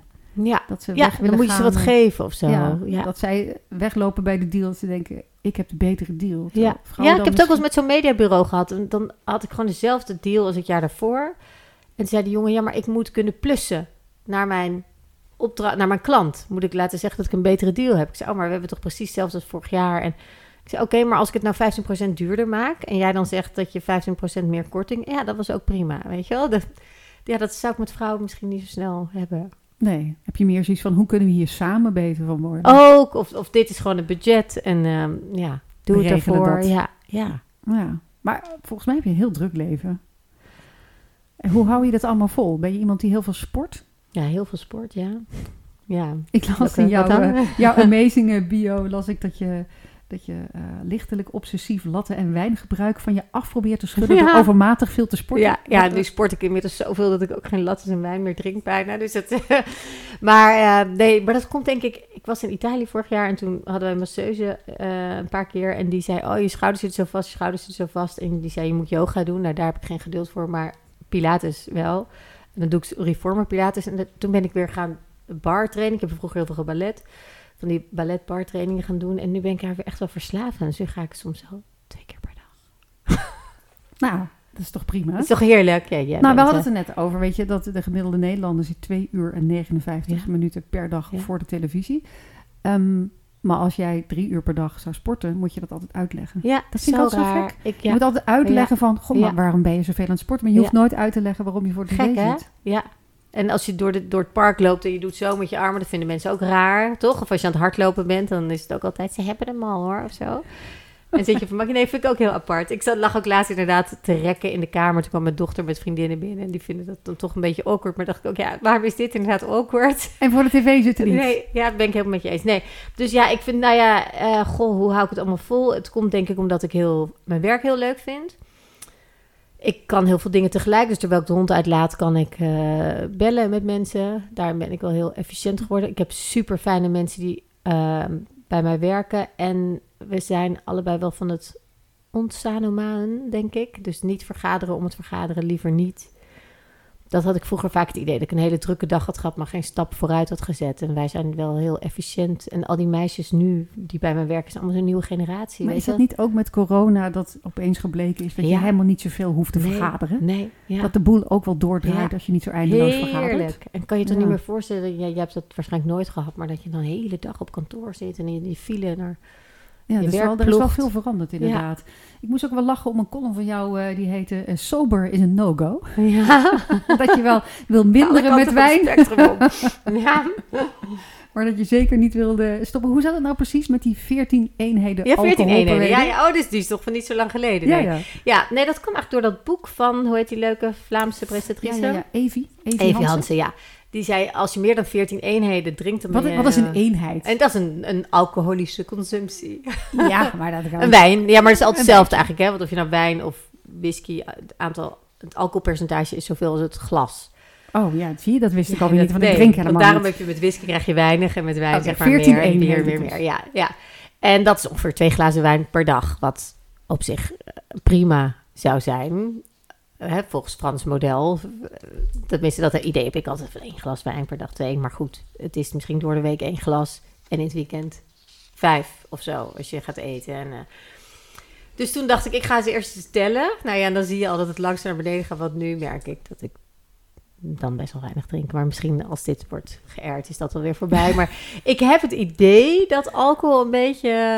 eh, Naar de achtergrond. Naar de ach- bij, niet alleen bij mij, maar bij meer mensen. Misschien heeft nou, dat ook met leeftijd te maken. is er behoorlijk wat gedronken. Ja. Dus misschien dat mensen nu weer wat aan het minderen zijn. Maar die zo'n 14 units, dat is natuurlijk over de week wel te verdelen. Dat is Ja. ik voor veel mensen wel overzichtelijk. Zeker. Denk ook. Ik dacht, dat vond ik wel een goede leidraad. Maar nu... Maar ik vond je titel zo leuk. Sober is een no-go. Ja. Oké, je wil niet helemaal zonder. Nee, wil ik ook niet. Maar ik wil eigenlijk ooit nooit dat iets opgelegd. Ik wil ook nooit aan de lijn doen of zo. Want dat is toch, als iets niet mag, dan Dan is het extra leuk. extra leuk. Ja. Ja. En wat voor eh, wilde plannen heb je nog met Amazing? Welke kant willen jullie nog op? Ga je nog uitbreiden? Nou ja, Amazing denk ik ben ik hartstikke blij zoals het gaat eigenlijk. Ik zou wel heel graag, we hebben een tijdje een print gedaan. Eh, magazines, heel mooi, maar dacht ik, ja, wat een gedoe. We verdienden er geen euro aan en heel veel werk. Maar ik zou het wel leuk vinden om boekjes te gaan maken. Bijvoorbeeld, een, eh, wij zijn natuurlijk zo personality-driven. Dus ik dacht, als wij nou een personality-driven reisboek maken. Meestal heb je een bestemmingsgerelateerd reisboek. Maar dat je daarin zegt, dit is voor je, voor je reis met je zus. Dit is voor je citytrip met je moeder. Dit is leuk om te doen met je gezin. Dit is leuk met je geliefde. Weet je, dat het meer aan insteken wordt Meer opgehangen. het gevoel van de reis. Ja, en meer de behoefte van, ook ik heb behoefte aan een leuke getaway met mijn eh, geliefde. Of ook wil cultuur snuiven met mijn moeder. Dus en dat andere daar- bestemmingen zijn dat. Ja. Ja. dus dat we het zo. Dus dat lijkt me leuk om boeken te doen. En we gaan beginnen met een nieuw platform over Italië. Italiamo, ja. Bent helemaal wij- weg van Italië. ja, we hebben daar een huis, dus we zijn er veel. Dus dat, ik geloof dat zowel Ewart als ik allebei ook wel ergens heel Calvinistisch zijn. Dus als wij op vakantie zijn, dan willen we ook eigenlijk dat weer omzetten in iets nuttigs. Dus erover schrijven en dan kunnen we dat weer wegstrepen. Wij zijn heel Werk erg... je wel eens niet dan? Nou, bijna niet, maar wij zijn vreselijk. Wij hebben ook allebei altijd dat we, als we op vakantie zijn, pas op zaterdag hebben we echt vakantie. Op maandag vinden we dan echt een rotdag om op vakantie te zijn, omdat we weten dat iedereen dan aan het werken is en wij niet. Echt? Ja, Ik, als ik op vakantie ben, laat ik alles uit mijn handen Ja. vallen. Ik zet mijn telefoon uit en tjus. ja grap. Maar ik denk wel bij jou scheelt misschien wel dat jij natuurlijk heel veel solitaire projecten draait. Ja, jij hebt natuurlijk leiding over je ja, eigen bedrijf. Dat en Ewart maakt een dagelijks televisieprogramma, dus dat gaat ook altijd door. Dus hij heeft dan toch het gevoel dat hij moet blijven. Ja, wij vinden dat allebei heel lastig. We hebben Ja. één keer gespijbeld ook met school. Dat we dan zeiden dat het vliegtuig vertraging had en dat we de kinderen die dag... eh, Je begrijpt eh, dat dit uitgezonden Weet ik, maar die, die directeur weet dat al. Die zei ook op een gegeven moment, die kwam ook, dit is zo'n leuke man. Hij gaat ook nu met pensioen, dus ik mag het best zeggen. Nee, maar hij, hij weet het ook. Daarom was het een goede Hij directeur. geloofde het al niet. Die kwam die woensdag op het schoolplein naar me toe en die keek me aan en zei, "Doen, niet meer doen hè. en het was, die dag regende het en we hadden zo'n rotdag en we voelden zich allebei zo schuldig. Dus eh, nee, we zijn echt brave Hendrikjes eigenlijk. En eh, één keer geprobeerd uit de band niet, springen. lukt niet. In die eh, Amazing Bio, eh, waar ik het net over had, hè, dus wat op je site staat, staat ook dat je door de week jong leert met kinderen en laptops. Hè? Dus dat is dat werken en, en combinatie met de kinderen. Je hebt drie dochters met Ewart. Ja, Eh, Florence, eh, Belize en Igoné. ja. Prachtige namen. Ja. Wat voor soort gezin zijn jullie? Ja, wij zijn best wel een, een, een atypisch gezin, denk ik. Dat waren wij thuis ook, omdat mijn vader heel veel weg was. En, ehm, en als hij er was, dan was het eh, dikke Kate. Hè. Kon alles. En, eh, En dat is eigenlijk nu ook, want nou ja, Ewart die maakt dagelijks eh, live televisie. Dus maakt Bo en Jinek, dus die is ook best vaak weg. Dus dan zijn wij altijd de girls night. En, eh, ja, je dus ik- een meidenhuishouden. een echte meiden, zelfs de hond is een meisje, ja. Zo. En ehm, dus het is een, ja, net zoals denk ik bij mij thuis was best wel een platte organisatie. Ik, we Geen ook- hiërarchie. geen, nou, een heel klein beetje. Maar we, wij eten bijvoorbeeld ook nooit één maaltijd of zo. Weet je wel? Het is altijd, wat wil jij? Wat wil jij? Oh, jij, jij wil sushi. Oh, jij wil salade. Oh, jij wil dit. Ja, soms wel eens, maar door de week eigenlijk heeft iedereen een soort... eh, ja, dus als bel bij mijn vriendin zegt ze... Mam, ze aten allemaal bloemkool. Weet je wel? Boerenkool. Dat gebeurt bij jou thuis niet. Nee. Dus niet van dit eten we. en- Nee, ze hoeven ook echt niet. Ze zeggen, oh, vind het zo zielig, die vriendin. Die vindt het, dan, dan lust iets niet, dan moet ze het eten. Dan zeg ik, ja, dat, dat doe, ik, doe ik ze ook echt niet aan. Maar eigenlijk heb je ze hele vrije opvoeding. Ja, heel vrij. En daarbinnen, maar dat, zo ga ik ook om met mensen die bij mij werken. Als je die vrijheid aan kan, je moet dan wel leveren. En, en, hè, vrijheid hoort wel verantwoordelijkheid. Daarom. Ja. Dus als mensen dat niet kunnen, dan werkt het niet. Dus bloemkool hoeft voor jou niet, maar wat wil je dan wel aan je kinderen meegeven? Nou, dat ze wel, ik vind het wel leuk dat ze avontuurlijk toch leren eten. En ik merk juist als ik dat niet dwing, dat ze dat doen. Dus mijn kinderen, als we in een Italiaans restaurant zitten, dan, dan, dan, dan staan die obers te dansen aan onze tafel omdat ze vongole eten. En, en gebakken visjes en, en eh, oesters. En die proberen, weet je wel. Dus, eh, Niet alleen maar pizza. Nee, dus ze zijn daar heel voor open. Dus we, we zijn, ja, en nou ja, we hebben, eh, je zei het net al even over Flo, die, die heeft een verstandelijke beperking, onze oudste. En ik heb het gevoel dat wij daardoor ook, ook een atypisch gezin zijn. Soms wat meer op onszelf teruggeworpen, omdat zij gewoon maar een bepaalde hoeveelheid aan sociale dingen heeft die ze aan kan in een week. Oh, dus je kan niet eindeloos naar verjaardagen bij Nee. mensen op bezoek. Nee, nee, echt niet dus zo. dat pas je aan op Ja. je oudste dochter. Ja, maar daardoor zijn we, ja, ik- ja, dit, dit is ook een heel lief gezin. We zijn, die meisjes, de anderen hebben nooit ruzie of zo. Dus daardoor zijn jullie ook wel een hele sterke unit samen ja, eigenlijk. ja. Want ja. wat voor impact heeft dat op jullie leven gehad, dat zij die verstandelijke beperking heeft? He- Ze is autistisch? Ja, ze heeft autisme en een verstandelijke beperking. Dus is 14,5 en ze is meer een kindje van 5, hoe ze doet. En ik ben echt wel trots als, als ik een ei kook en ik heb dat in een, in een bakje om mee te nemen. En dat zij denkt, oh, ik ga er een deksel op doen. Weet je, zeg ik echt tegen haar, Flo, pakt gewoon een deksel op op een bar. Weet je, zo kunnen wij daar weer trots op zijn. Ja. Ehm, ja, ja, in het begin heel erg. Het was echt een rouw, denk ik. Toen ik een vriendin van mij heeft borstkanker gehad en die zei toen ook: ik wil gewoon in mijn slaapkamer zijn. Ik wil de wereld niet zien. En dat had ik ook. Ik wilde gewoon met hun op- mijn bed films kijken en dat ze om me heen in slaap vielen en dat het niet bestond of zo. Want het bestond ook niet als er geen spiegel was of zo. Want Als andere het- mensen het niet meekregen. Ja, of als ik geen andere kinderen zag, dan was dit onze werkelijkheid. En wat vond je het moeilijkste aan? Wat was het rouwproces? Ja, het- ach, dat, dat er geen plek voor haar was of zo. Dat vond ik het moeilijkst. Op het moment dat zij een plek vond. Zorgen over de toekomst. Ja, ja, dat durfde ik nog niet eens. Over toekomst, maar meer al over het nu. Weet je, ik weet nog dat ik een keer bij de show van Chanel op de eerste rij zat. En zij zou, en ging naar de kleuterschool. En ik dacht alleen maar, als ze maar niet gaat poepen, als ze maar niet gaat poepen, als ze maar niet gaat poepen. Weet je, want ze was dan nog zo net zindelijk, net niet. Weet je, dat, je bent alleen maar met je kind bezig. En ehm, ja, dat, ik, toen ging ze naar zo'n soort tussenschool. Een week ook nog dat je dacht, oh, al die ouders die hier zijn, zijn in pijn. Want het is een tussenfase. We zijn allemaal op zoek naar een plek. We weten waarschijnlijk allemaal net dat er iets is met ons kind. Ja, ik denk ook volgens mij teleurstelling in mezelf dat ik het niet had gezien of zo. Want je had het niet gezien. Nee, ik kwam pas achter op de vierde. Terwijl er wel gekke dingen waren. Of ze sprak heel laat en ze sliep. Altijd heel moeilijk, wilde altijd bij me zijn. En Ja, maar ik kan me zo voorstellen, weet je al, eh, eh, je houdt van je eigen kinderen op een manier, weet je, ik zeg altijd, ik zou ze mijn laatste organen geven. Ja. Dat als je met iemand samen bent en in, in één huis woont en je heel veel van je kind houdt, dan, weet niet, dan alles gaat in liefde. Ja, Ja. dan denk je, ja, zitten misschien wat moeilijke momenten ja, tussen. maar iedereen zegt het is moeilijk, het is zwaar. Ja, het is, het is Ja. best zwaar, ja. Ja, dus Ja. dat, ehm, ja, ik vind dat je daar ontzettend een mooie columns, eh, columns over geschreven hebt. Ja, Over, eh, doe je dat nu nog? Of Ja, Flo? ja. maar als het beter gaat, dan schrijf ik minder. Soms vragen mensen, wanneer schrijf je? Ja, het gaat nu best wel goed. Dus het, eh, Oh ja, is dat ja, zo? Dat, ja. dat je vooral over...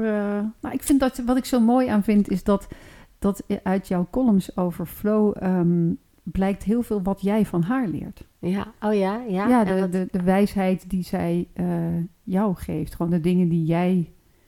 Ja, je krijgt denk ik toch een andere kijk op het leven. Sowieso. En ik vond dat heel mooi toen Romana de Vrede bij Zomergasten was. Zij heeft ook een autistische zoon. En toen vroeg eh de presentatrice, ehm, wat, wat kan hij? Dat willen mensen heel vaak weten. Vragen ze aan mij ook heel vaak van wat kan ze? Mensen willen natuurlijk iets kunnen kaderen of zo. Dus ik begrijp dat wel. Ze vragen ook heel vaak aan mij. En waar, waar, waar eindigt ze? Wat is, waar komt ze? En dan zeg ik altijd maar, nou, ik denk de eerste vrouwelijke minister-president van Nederland. Want eh, ik vind dat zo'n stomme vraag. Want bij geen één mens kun je dat vragen. Nee. Dus ik vind dat altijd een beetje aanmatigend, maar dat bedoelen mensen niet zo. Maar het is wel, dus iedereen die dit hoort, vraagt dat niet. Ehm, maar ehm, toen vroeg ook uh, die Janine Appring van, wat kan hij? En uh, toen zei uh, Romein de Vrede, hij kan heel goed vergeven. Hij kan elke dag opnieuw beginnen. Hij kan hoop hebben of zo. Weet je, zo ook op lieve, algemene. En Janine ging weer vragen, maar kan die goed piano spelen? Kan die fietsen? Weet je, zij wilde gewoon weten. En toen herhaalde ze weer, hij kan lief hebben. Hij kan vergeven. En, uh, en, en zij bleef maar hameren. En die Romanen zei, maar dit zijn de grootste waarden van het leven die hij Ja. kan. En die Ja. ik van hem leer en waar ik hem dankbaar voor ben. Ja, wat nou piano spelen? Ja, ja. Want dat vragen mensen ook heel vaak. Oh, ze autist, kan ze iets heel goed? En Oh, dat lach- Rain Man syndroom, ja. Oh, ik, hou la- op. ik lach ook wel eens met andere moeders van Flo, haar eh, groep, zeg maar. Dat zegt één moeder ook. Ja, ze kan heel goed plantenwater geven. Ja, kan ze heel goed. Ja, maar daar kan je dan zelf wel heel blij mee zijn. Ja maar, ja, ja, ja, maar die moet er dan ook best om lachen. Maar goed, Flo kan toevallig. Ze kan wel echt heel goed mensen nadoen. En zij kan dus ze is heel erg talig. Dus ze kan niet lezen, maar ze kan dus fantastisch intonaties, woordgebruik passend bij een persoon nadoen. Ehm, Engels en Italiaans kan ze dus heel goed eigenlijk. Want dan kijkt ze allemaal YouTube-filmpjes. En dan, ze kan niet lezen, maar ze kan dus wel op die boeken weten op welke bladzijde wat staat. En dat kan ze dan helemaal. Dat boek over Princess Margaret, eh, Lady in Waiting, dat ging ik op een gegeven moment voorlezen, omdat ik wel klaar was met Barbapapa. En dan moest ik steeds voorlezen, dat hoofdstuk. Ook in het vliegtuig zit ik altijd een soort ironie. Zit ik dan, eh, we went to live with our Gilfie cousins. En zij kan dat hele boek uit, nou niet het boek, maar dat hoofdstuk kan uit haar hoofd. Dat Ja. is wel grappig. Dat is wel toch weer een Het beetje lijkt me ook heel bijzonder hoe dat dan werkt. Ja. Mijn vader hoofd. zegt ook altijd, ze is heel slim, alleen wij kunnen er niet bij. Of wij kunnen het niet. Ja, Maar het is een hele grote liefde om je heen. Alleen, eh, en wat ik ook heel mooi vind, is dat het best wel kan verbinden. Weet je, dat iedereen die van flow houdt, kan ook helemaal trots zijn als ze iets goed doet. Ook de Ja. vriendinnen van mijn dochters. ja want hoe gaan je dochters eh, ermee Ja, om? zo bijzonder. Want toen Bel, mijn middelste, naar de middelbare school ging, had ze een voorstelmiddag. Hè, zo'n, eh, en toen zei ze, moet ik het nou zeggen, mam? En dan in de klas dat over flow. Toen zei ik, nou, dat hoeft niet. Want je hoeft niet te zeggen, ik ben Belize en ik woon in Haarlem en eh, ik heb een verstandelijk beperkte zus. Ik zeg, maar het is ook geen geheim. Je hoeft niet, maar ik, ik begrijp best dat je misschien even de anonimiteit op zo'n middelbare school, zonder dat iedereen alles van je weet, wil hè, bewegen. Dus eh, up to you, weet je wel. Je, Mhm. je doet haar niet tekort als je het niet noemt, vind ik. En nou, de eerste dag na school kwamen al zes fietsen. En eh, ja, ook daar weet iedereen het en de vriendinnen. En het wordt een soort collectieve mascotte is Flo gewoon een beetje. Oh, wat en, ontzettend leuk. ja, en ook de vriendinnen van Igone, van mijn jongste. Ja, die gaan, gingen ook vroeger met haar samen in bad. En die kunnen ook, oh Flo, en schattig en wat knap. Of dan zagen ze er skiën. We gingen skivakantie en waren nog twee vriendinnen met hun kinderen. En eh, dan zeiden die meisjes ook tegen me, we zagen Flo net skiën, weet je wel, wat kan ze het goed. En, dus dat is zo schattig. Ik denk dat jij dat dan ook wel gedaan hebt met je opvoeding. Dat je jouw dochters dat helemaal, daar helemaal zo in betrokken hebt. Bij betrekt ook, Ja. ja. ja. en nu zeg ik ook wel eens, omdat ze nu wat ouder zijn... en dan wil ik dus bijvoorbeeld even een uurtje sporten... en dan zeg ik, passen jullie op? Zeg ik, betaal jullie ook? Weet je wel? Oh, ja. Gewoon, ja, ik zou een anders pas Keihard ook betalen. Nee, nee, nee, maar ik vind het meer dat ze het verdienen, weet je wel? Ja. Zij vragen niet om, maar ik zeg, dat wil ik gewoon. En eh, ja, dan zijn ze zo goed. Ze zijn echt fantastisch. Ja, ik denk dat ons allemaal mooier mens maakt. Ik kan ook echt boos worden als mensen mongool zeggen over iemand met Down-syndroom of zo. Dan denk ik, denk even na, gewoon, het is gewoon kwetsend. Ja, ja. Ik denk dat mensen zich dat helemaal niet realiseren. Maar ook over autisme zijn volgens mij nog heel veel misverstanden. Ja, ik had in het begin deed me ook altijd pijn als mensen zeiden als een bijvoeglijk naam van ik ben daar heel autistisch in, zeggen toch heel veel mensen als ze. En nu denk ik ja, dat zeggen mensen nou eenmaal, weet je, wel. dat daar bedoelen ze mee dat ze precies zijn en daar moet je dan ook niet een te groot ding van maken. Ik vond het in het begin ook zo moeilijk om te zeggen gehandicapt. Dat vind ik nog steeds. Dan denk ik zelf toch meer aan dat je een been mist of zo. Maar, en, of een beperk. Ik vond alles moeilijk om te zeggen. En nu merk ik gewoon dat ik het. Ik ben trots als ik met Flow loop. En, dan, en soms kan. Ik sprak laatst met Aaltje van Zweden. En die heeft natuurlijk ook een autistische zoon. En die zei: Ik heb wel het gevoel alsof ik de enige ben die met een autistisch kind door het park loopt. Dat heb ik ook wel eens. Mensen kijken soms zo raar naar Flo. En laatst zei ik tegen man: Ja, dit is een meisje met een beperking. Kijkt u maar even goed. Dan heeft Oh ja, dat- zeg je dat dan? Ja. Ja. ja, je wordt er volgens mij ook wel assertief van. Dat je denkt, Wat ja, ik ook heel erg vind, dan hou ik op hoor, maar dat mensen wel eens zeggen: ehm, andere mensen die met hun kinderen. Ik vind het wel goed voor ze dat ze haar even meemaken. Dat ze zien dat niet alles perfect is in hun leven, weet je. Dus dan... Alsof ze niet gewoon een eigen persoon is. Ja, alsof ze alsof alleen het- maar op de aarde is om anderen te laten... Oh, Ja, en alsof het ook goed is, educatief voor hun kinderen, dat ze mijn minder gelukte kind misschien in hun, zoiets, ik weet het niet. mensen kunnen wel rare toen ja, komen. mensen kunnen wel rare dingen. Maar ik zal zelf ook heel vaak rare dingen zeggen over dingen. Ja, die, je dan, die wij ons dan Toch? misschien weer niet Nee. realiseren. Die je dan, eh, ja, inderdaad. Nou, en dan eh, het laatste, eh, wat ik ontzettend leuk vind, want daar gaat mijn hart eh, ook heel erg naar uit, is dat je een kinderboek Ja. hebt geschreven. Een heel fashionable kinderboek nog wel, Cleo en Bast. Samen met illustrator Sonia Menti. Ja, Vertel me daar eens alles over. Hoe ben je op dat idee gekomen? ja. Ik weet als, als ik naar New York ging voor Fashion Week, voor Marie Claire, dan mocht ik natuurlijk nooit zeggen dat ik daar voor werk was, want dan had ik een visum moeten aanvragen en zo. Dus dan zeiden Simone en chef mode altijd, je moet iets verzinnen, weet je. En dan zei ik altijd, I'm a writer, weet je. Ja. Ben je ook eigenlijk? Ja, jawel, eigenlijk wel. En dan zeiden ze, wat dan? Dan zei ik, children's books, weet je wel. En, eh, maar als kind wil, zei ik het ook al. kinderboekenschrijfster. Ja, ik word later kinderboekenschrijfster. En dan dacht ik, niet op computers, zei ik dan tegen mijn moeder. Echt niet. Heb ik wel iemand anders die dat voor me uittypt. Heel Eh, grappig. nee. Ja, eh, wat is er gebeurd? Ja. Maar ehm, ja, dus dat, ik wilde, en ik dacht op een gegeven moment, ik sliep in Le Bristol in Parijs, dat hele mooie hotel, ehm, vlakbij, eh, nou ja, achter de het Elysée. Het En, klinkt echt eh, alsof jij van het ene luxe hotel naar het andere wel- bent ja, gegaan in je leven. was ook wel heel erg in die Marie Claire tijd. Ik zou er privé niet zo snel naartoe gaan, want het is echt niet te betalen. Maar het is zo'n fantastisch hotel. Vier Michelin-sterren huizen in dat hotel. Dus één, eh, de brasserie heeft er één en gewoon het restaurant heeft er drie. En eh, nou, het is gewoon fantastisch. En ik, ik was er een keer, zag ik Ryan Gosling en Mireille Mathieu. Weet je, zo'n beetje, dat is het spectrum.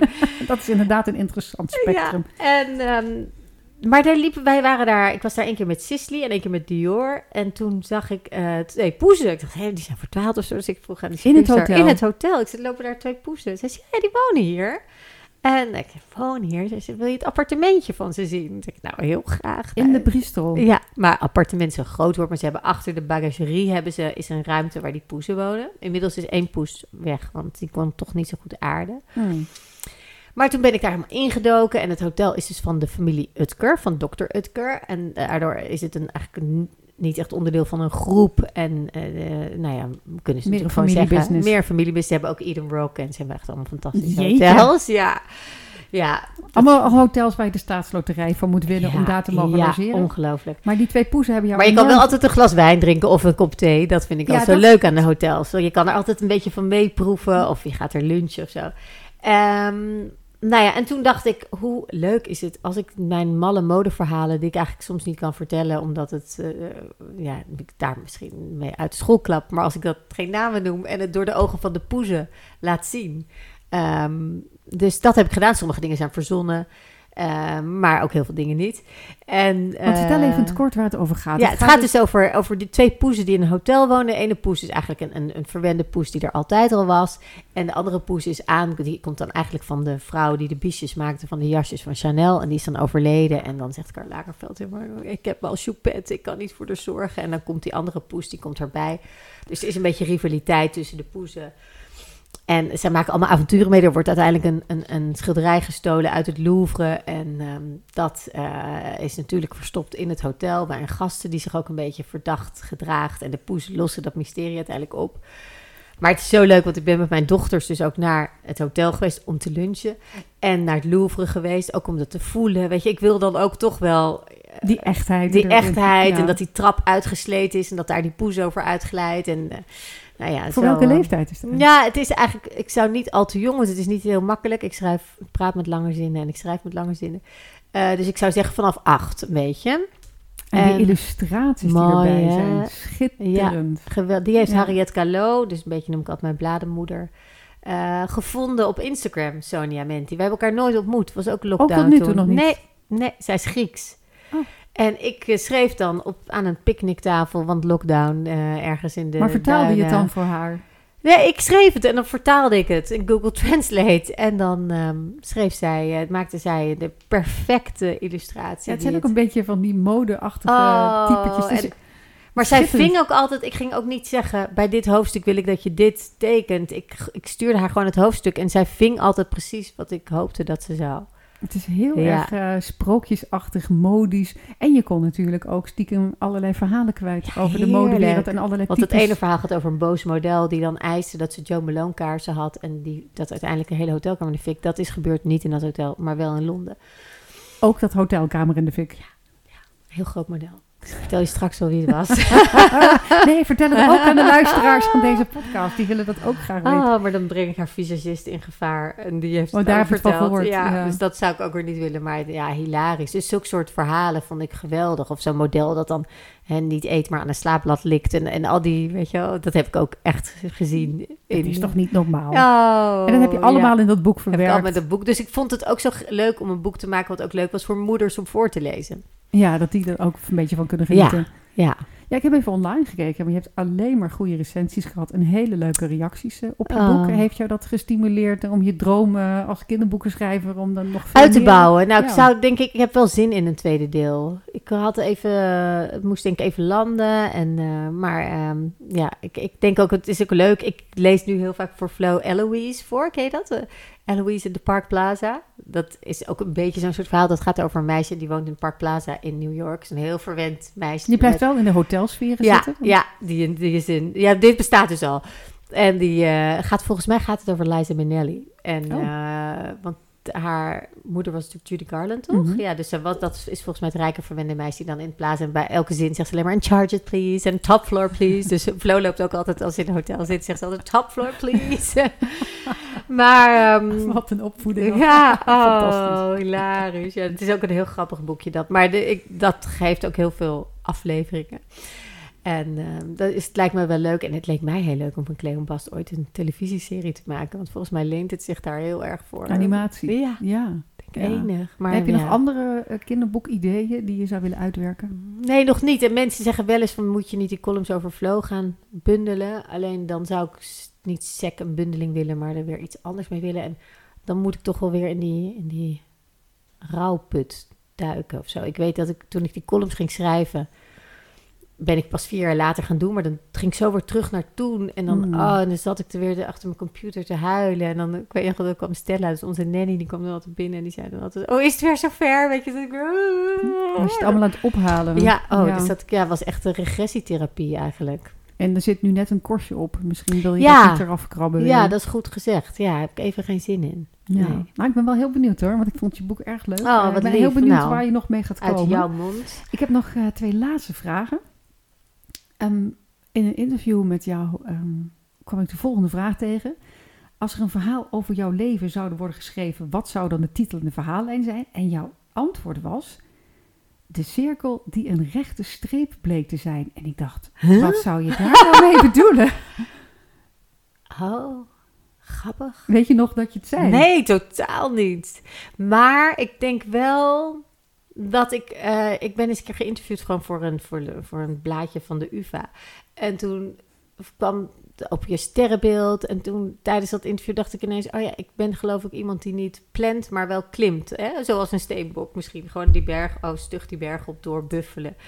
Eh, dat is geloof ik wat ik altijd heb nooit gedacht. Ik wil hoofdredacteur worden. Of ik heb een platform online. Of ik wil dit. Maar ik dacht altijd alles wat ik deed probeerde ik wel zo goed mogelijk te doen. En daardoor kreeg ik dan weer een ander baantje. Waar ik dan weer, weet je wel, nog iets beter mijn best deed. En, en daardoor misschien dat ik bedoelde dat die cirkel waarvan je van toevalligheden... uiteindelijk een aaneenschakeling is van waar je terecht komt in je leven. Want als je terugkijkt, heb je dan een rode lijn, een rode draad ontdekt? Ja, dan is die rode draad denk ik wel ehm, dat die flex, dat dat, dat, dat, nou anarchistisch klinkt, denk je meteen aan zo'n krakershol of zo. Dat is natuurlijk niet.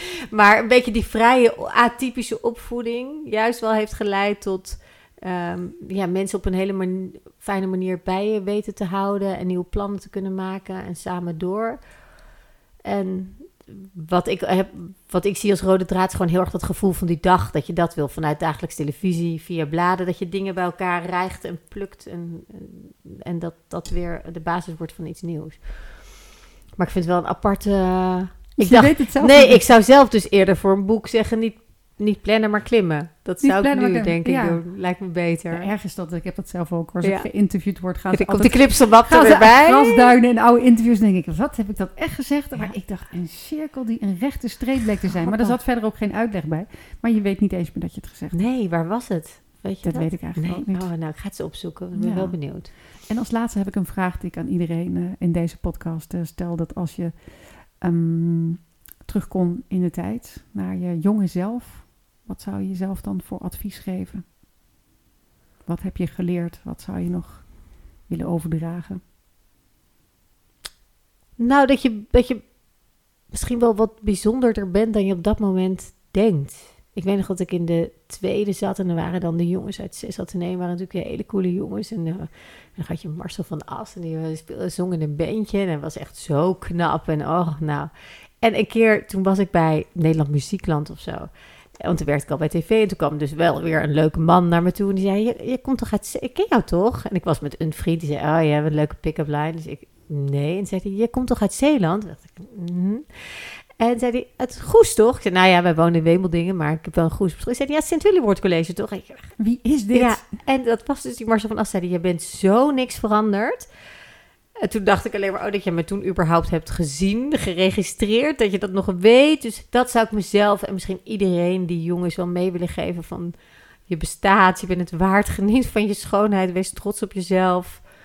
Mensen vinden je waarschijnlijk echt wel wat leuker dan je denkt. Had Arthur. Chapin dan toch gelijk? oh nee. Is het weer die cirkel? Hebben wij een cirkel? We hebben toch een cirkel, geen rechte streep. Ja, Dat, dat andere mensen misschien toch meer in, jezelf, in je zien dan dat je zelf Ja. denkt. Ja, misschien. Ja. Misschien Grappig, hè? En dat, ja, dat denk ik wel eens. Ik vind het namelijk, eh, dat was ook wel over toevalligheden of zo. Mijn dochter, die had toen, die was aan het kiezen voor middelbare scholen. En die vond dat een beetje moeilijk, welke ze nou naartoe moest. En was een beetje zenuwachtig, wat voor adviezen zou krijgen. En precies op die dag kreeg ik een mailtje van dat Sint Willibord College, dat ze een soort wall of fame hadden, want die school bestond zoveel jaar. En daar mocht ik bij hangen naast Balken en. Kijk. en die jongen van Raccoon, die Dat zanger. zijn en, ik, en ik dacht echt, wolf baby, ik. Maar toen dacht ik ook, oh ja, ik zat... Ik ben uiteindelijk van drie ateneum naar vier HAVO gegaan. Welkom laude voor de HAVO geslaagd. Maar ik voelde me helemaal niet zo'n topper op die school. En ehm, toen dacht ik, ja, maar het feit dat je misschien net iets minder goed leert... dan die studiebolletjes allemaal van het VWO... eh, maakt niet dat je uiteindelijk alsnog inderdaad naar de universiteit kan gaan. Of, en uiteindelijk kwam ik op die maffe of fame. Dus dat, wil ik, dat zou ik ook denken. Niet denken dat als je niet per se alleen maar 8 en 9 haalt... eh, en een ateneumadvies hebt, dat je dan niet succesvol kan zijn. Mijn rijkste vriendinnen zijn mijn vriendinnen die eh, MAVO en HAVO hebben gedaan. En met een waanzinnig, weet je wel, een Het gaat model. uiteindelijk om de drive. De drive, je invalshoek. Het is niet al, het, het is niet of-of, maar nou ja, dus dat denk ik. Ja, geloof ook in die omweg misschien. Geloof in de omweg. Geloof me, is dat een nieuwe titel? Ja. Geloof in de omweg. En koester het vogelbadje. Ja, inderdaad. Het vogelbakje. Ja, Heel erg bedankt. heel graag gedaan. Superleuk. Je luisterde naar de podcast Daphne op donderdag in gesprek met Maybrit Mobach. Haar kinderboek Cleo en Bast is te koop bij de boekhandel. En voor alle mode, lifestyle en beauty tips ga je naar amazing.com. Wil je meer van mij lezen? Ik heb net een nieuwe bundel uit met 75 columns. Hij heet De Zorgen zijn voor morgen. Dit was het laatste interview in deze achtdelige reeks. In het najaar van 2022 komt Daphne op donderdag terug met acht nieuwe afleveringen. Klik alvast even op de volgbutton, want dan blijf je op de hoogte. Tot dan!